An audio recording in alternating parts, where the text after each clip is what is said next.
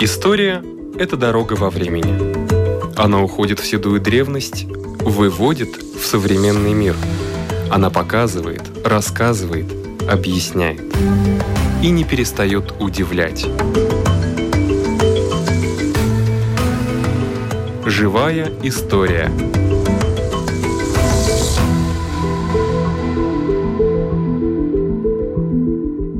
У микрофона Лидия Чера.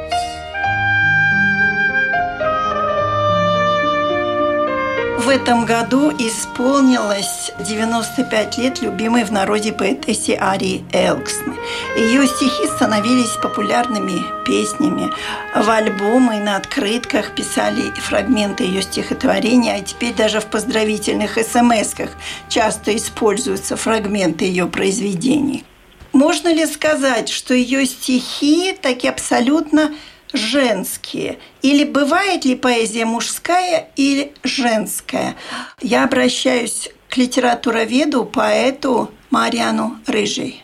Так как в большинстве случаев Бог нас создал мужчинами и женщинами, тогда я думаю, что есть определенная часть в каждой поэзии, в этой универсальной части поэзии, те моменты, те комплексы чувств или переживаний, которые можно сказать, что они принадлежат мужской или женской поэзии. Так же, как мужчина не может в своей поэзии аутентично описать или переживать переживание рождения ребенка, как бы изнутри. Да. Это такие эмпирические переживания, которые и есть, которые как бы маркируют или дают право называть ту или иную поэзию более женской или более мужскую. Я думаю, что Ария Элксне в своей поэзии этот спектр переживаний женщины очень сильно передала. И это резонирует с читателем, и женским читателем, и мужским читателем тоже. Я несколько тут таких фрагментиков выписала. Grūti darbā smagumu nest, grūti nenest neko, grūti aizbēgt no pasaules, grūti satikt ar to. Потом еще есть Kad vasaras zaļajā krūzē čaukst baltās madaru putes, kad jūlijas dzer liepziedu dzīru, es dažlapa sausi čukstu, cik mana dzimtene skaista. Вот такие два небольших фрагментика, но да. такие просто картинку вижу. Да. Очень да. у нее такие интимные стихи, скажем так. А что значит псевдоним Элксна? Я, например, не знала, что это ее псевдоним. Оказывается, это ее псевдоним. Зачем ей надо был псевдоним, как вы думаете? Я думаю, что очень часто псевдоним – это как бы другое измерение или еще одна дименсия для личности человека. Это другая кожа, скажем так, да? Можно так сказать, это другая кожа, другое воплощение, которое освобождает внутреннюю свободу, творческую свободу и возможность перевоплощения, как будто отойти от своего биографического обыденного «я», потому что поэзия, я считаю, рождаются те моменты, которые не совсем обыденные. Она как бы поднимается или глубже углубляется в суть жизни или переживания, или она поднимается над пунктом, в котором человек в своей обыденной жизни живет. Но вот глядя на ее портрет такой ухоженной женщины, элегантной, умной, воздержанной, и читая ее стихи, кажется, что это совсем две разные женщины. Наверное, поэтому Элксне а Элксне, что такое Элксне? Может быть, вам больше известно? Я так хорошо латышский язык не знаю. А, это Элкснис, насколько я помню, это можжевельник. Этот псевдоним э, Арии дал тогда, когда она начала писать, можно сказать, советско-латышский поэт Юлий Сиванакс еще в начале 60-х годов. Помог да. ей, так сказать, опубликоваться, наверное, да? Да, да, да. И он сказал, что надо публиковаться. Он дал возможность публиковаться. И так родилась поэтесса Ария Элксна. Но почему-то еще не будучи поэтессой, Ария Греты не пошла учиться в медицинский институт, да. а не филологию. Почему? Наверное, не было еще такого ярко выраженного таланта или призвания. Э, я думаю, что сначала всегда, когда человек выбирает путь, это не такая дорога, которая идет прямо. Прямо, да. Иногда талант как бы возникает совсем не в том э, месте или в том моменте жизни, когда человек сам думает своим умом, как он будет управлять своей жизнью. И иногда то, что человек сам считает, как будто что лучше так, а получается, да, что его тянет он в другую сторону. Что то, что он пишет, это для него, для себя, и это остается для себя. В какой-то момент, в хороший момент, кто-то может увидеть этот талант и дать толчок совсем другому витку жизни. Я думаю, что и так случилось с Арией Элксной. Varēja būt, bet nebija ne skūpstu, ne mēnesnīcas. Mēnesnīcas. Tomēr dvēselē slepo mani, tu nesi līdzi. līdzi.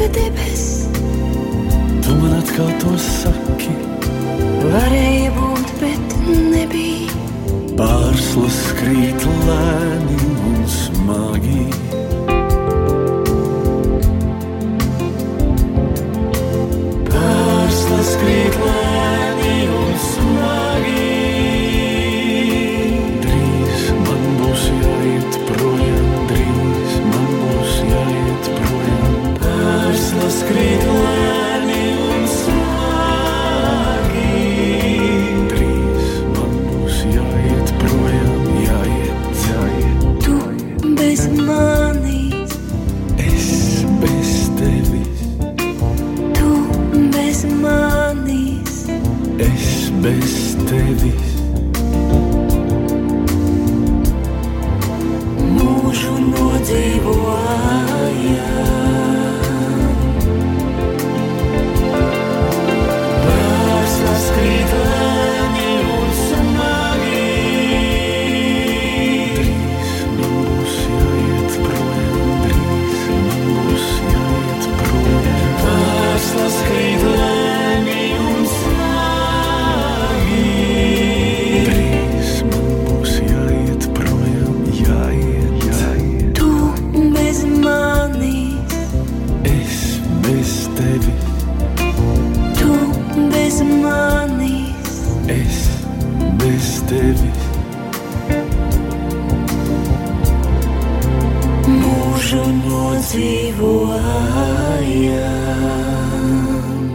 Ну и не выучись она на медика, на врача в Кемеровском санатории она бы не встретила того же Юлиуса Ванакса и многих да. других да. писателей и поэтов, которые в то время были популярны и, может быть, дали толчок ей для того, чтобы, как сказать, показать свои произведения уже и широкому читателю.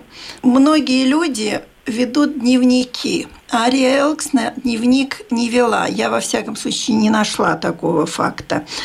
Но ее стихи, по-моему, это тот самый дневник. То есть по ее стихам, если посмотреть по годам, то сразу видно, где у нее были счастливые этапы жизненные, где трагедии какие-то случались. А трагедий случалось очень много, расставаний и любви много было. Да, и я думаю, что такой творческий тип, который берет материал для стихов из своей жизни. Из вот своих вот. ощущений. Ощущений, переживаний, трагедий. Да, и можно сказать, что это иногда и помогает творчески, а иногда это может и усугубить жизнь человека, потому что это как бы э, жизнь наизнанку. Я думаю, что у Арии это было как будто все-таки жизнь наизнанку, если еще мы знаем, что у нее был диагноз маниакальной депрессии, и она, как врач, это знала. И понимала. И понимала. Но это уже хуже всего было на последнем этапе, а так она с ним как-то сосуществовала. И первый брак, который разрушился и оставил ей дочку Еву, потом этот тот самый Юлиус Ванакс, тоже был роман такой да. страстный, который да. тоже ни во что не вылился, потому что он был женат. Ну и дальше, дальше казалось, что последний брак с Мителисом Фишером, по крайней мере, принесет ей то, чего она больше всего хотела. Семью, дом, ребенка. А вот оказалось, что не совсем так. Да, это так и есть. И я думаю, что поэт живет в каком-то мере не только для себя и переживает творчески, не только для себя. Может так считать, что он для себя это делает, но если это по-настоящему, то это значит, что вся эта жизненная трагедия как будто становится больше одного человека, и в том смысле она была манифестацией или она представляла, ну, я думаю, чувства и переживания очень э, многих, я думаю, женщин того времени, в котором такая интимные переживания, интимные переживания в поэзии в советские времена, ну, это уже было что-то не очень приличное и не очень дозволенное. В каждом случае в то время, в котором она творила. Ну, это да. Даже смерть ее не могли, так сказать, обозначить. Сказали, что да. ушла из жизни 56 лет. Но не написано было, почему, что, что это было самоубийство. Она ведь выбросилась из окна, и, как говорят, Зигмунд Скуинч, который жил с ней в одном доме, как раз видел, когда ее да. забирали уже да. после смерти. Я думаю, что она и знала, что этот диагноз конце концов отнимает и способность не только творить, но и вообще самим собой, как бы быть хозяином э, своей судьбы. И я думаю, и этот роковой поступок тоже из-за этого случился, что она как медик понимала, что будет дальше. Но я еще могу сказать, что не только для женской аудитории Ария Оксна резонирует как поэт – много и музыки ее стихи перевоплощались. И это интересно, что и композиторы-мужчины тоже очень высоко ценили Арию Элксона как автора слов. Да, говорят, после ее смерти как раз Улдис Мархилевич написал песню. Да. Трагическую. Да. Aizved mani uz slīteres sīlijām, tur sīla pūrene zied. Man tik bieži šai dzīvē vīlies, gribas kaut ko no tīra mazliet. Aizved mani, es lūdzos un prasu, bet tu brīnies un pieri rauc. Es tev liekos kā meitene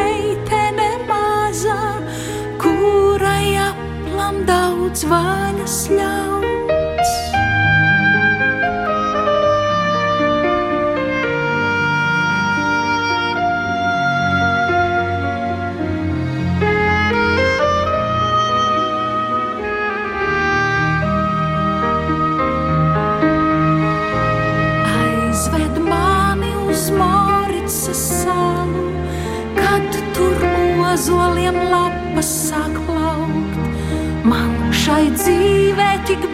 Bieži ir savis, gribas sauli par māsu reiz saukt. Aizved mani, es lūdzos un prasu,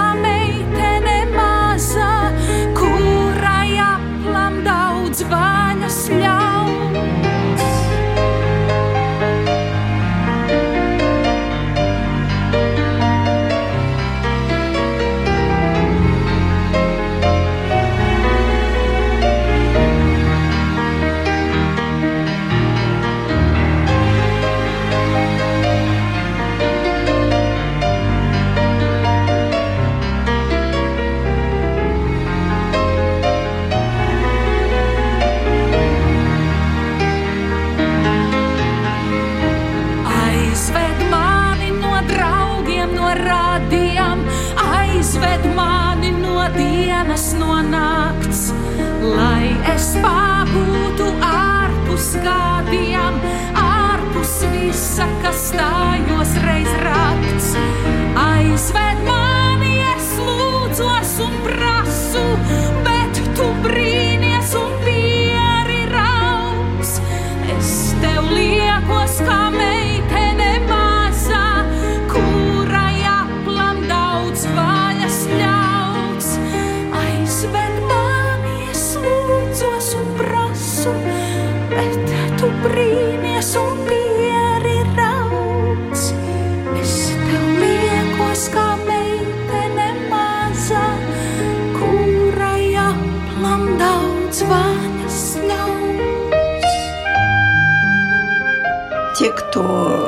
Знал ее, говорят, что ее жизнь достойна быть сюжетом большого романа. Да, Потому что было так много случайностей, надежд, заслуженного успеха и очень много любви. Не всегда счастливой. да. Но я думаю, что и были в этой любви э, то, что поднимает в какие-то моменты жизни. Я думаю, что любовь и темная, и трагическая сторона была, и все-таки светлая сторона, потому что все-таки в последнем браке были года, в которых она Была счастлива, да? Да, да, Когда она ходила в оперу вместе с Евой да, на Да, и- представление ее мужа. да. И Он был тенором, да? Он э, был тенором. Он был, мне кажется, вначале баритон, а потом тенор. Да. Так да. вот немножко поменялось. Ну и его успех, конечно, был у женщин тоже, и это и послужило их разладом. Ну да, Она не простила. не простила. Я думаю, что это последняя точка была. Хотите ли вы э, что-нибудь рассказать больше о творчестве Ари Элксны? Мы так все больше говорили о ее жизненном пути, Да. Да. а вот о творчестве не так много. Я думаю, что Харри Элксна представляла такой тип поэзии, который, можно сказать, демократическим. В ее поэзии трудно найти такие очень яркие моменты авангарда, но она полностью воплощала и очень органически воплощала тип переживаний простого, может сказать, человека, женщины. И в латышской поэзии были тоже поэтессы и раньше, в 20-е, 30-е годы, как Элина Залита, которые тоже очень популярны были и заслуженно популярны. Также и Ария Элксне, я думаю, она занимает свое место в латышской поэзии. Она находит те слова и те переживания, которые очень хорошо резонируют с переживанием и пониманием жизни, может, не интеллектуала, но тут важнее эмоция. И эмоции, которые понятны. И эмоции, которые все-таки не банальная. Она все-таки умеет найти даже в обиденных метафорах то соотношение, в котором эта поэзия не, не банальна и в котором эта поэзия музыкальна. Вот это, и, я думаю, ключевое слово, почему она популярна для композиторов. Музыкальная что, поэзия. Да, да. Это музыкальная поэзия, в которой как раз э, музыка может найти свое э, место, в которой э, поэзия не заполняет сама собой все пространство. Есть для музыки тоже место, где она может эту поэзию еще как бы удлинить. Усилить. Э, да. Резонировать еще. Резонировать, да. А как вы считаете, со временем интерес к поэзии Арии Эксне от у литературоведов и у людей, не связанных с миром поэзии, как-то затихает или остается одинаково высок? Мне трудно сказать, потому что все-таки генерации меняются приходят совсем другие люди. Но я думаю, что в каком-то смысле она остается, потому что если, может быть, может, кто-то реже читает в книгах ее поэзии, то в песнях она всегда присутствует. И я думаю, из-за этого тоже она будет, будет э, жить э, в латышской поэзии. И я думаю, что, быть может, через какое-то время интерес к ней снова возрасти, потому что тоже в современной латышской поэзии есть очень хорошие поэтессы, как Инга Пизана, которые пишут очень простыми словами, и она находит такую демократическую форму, в котором это переживание очень живое, понятно тоже не элитарному читателю. Не избранным, да. Да. Так что я думаю, что в какой-то части читателей Ария Элкс навсегда будет жива. А на русский переводили стихи Арии Элксны? Я думаю, что да. Тут, наверное, лучше спросить у Ольги Петерсон. Может, она знает. Она переводит, да, Арию Элксны тоже? Я не знаю, но, может, она знает. Ну да, я тоже не читал переводы Арии Элксны. И я думаю, что ее поэзия и в контрапункте с ее судьбой, я думаю, что она еще сильнее резонирует. И она более понятна, и в ней э, более глубокие смыслы проявляются, если знать роман жизни Марии Элксне. Tu biji kails un vēju aplausts koks.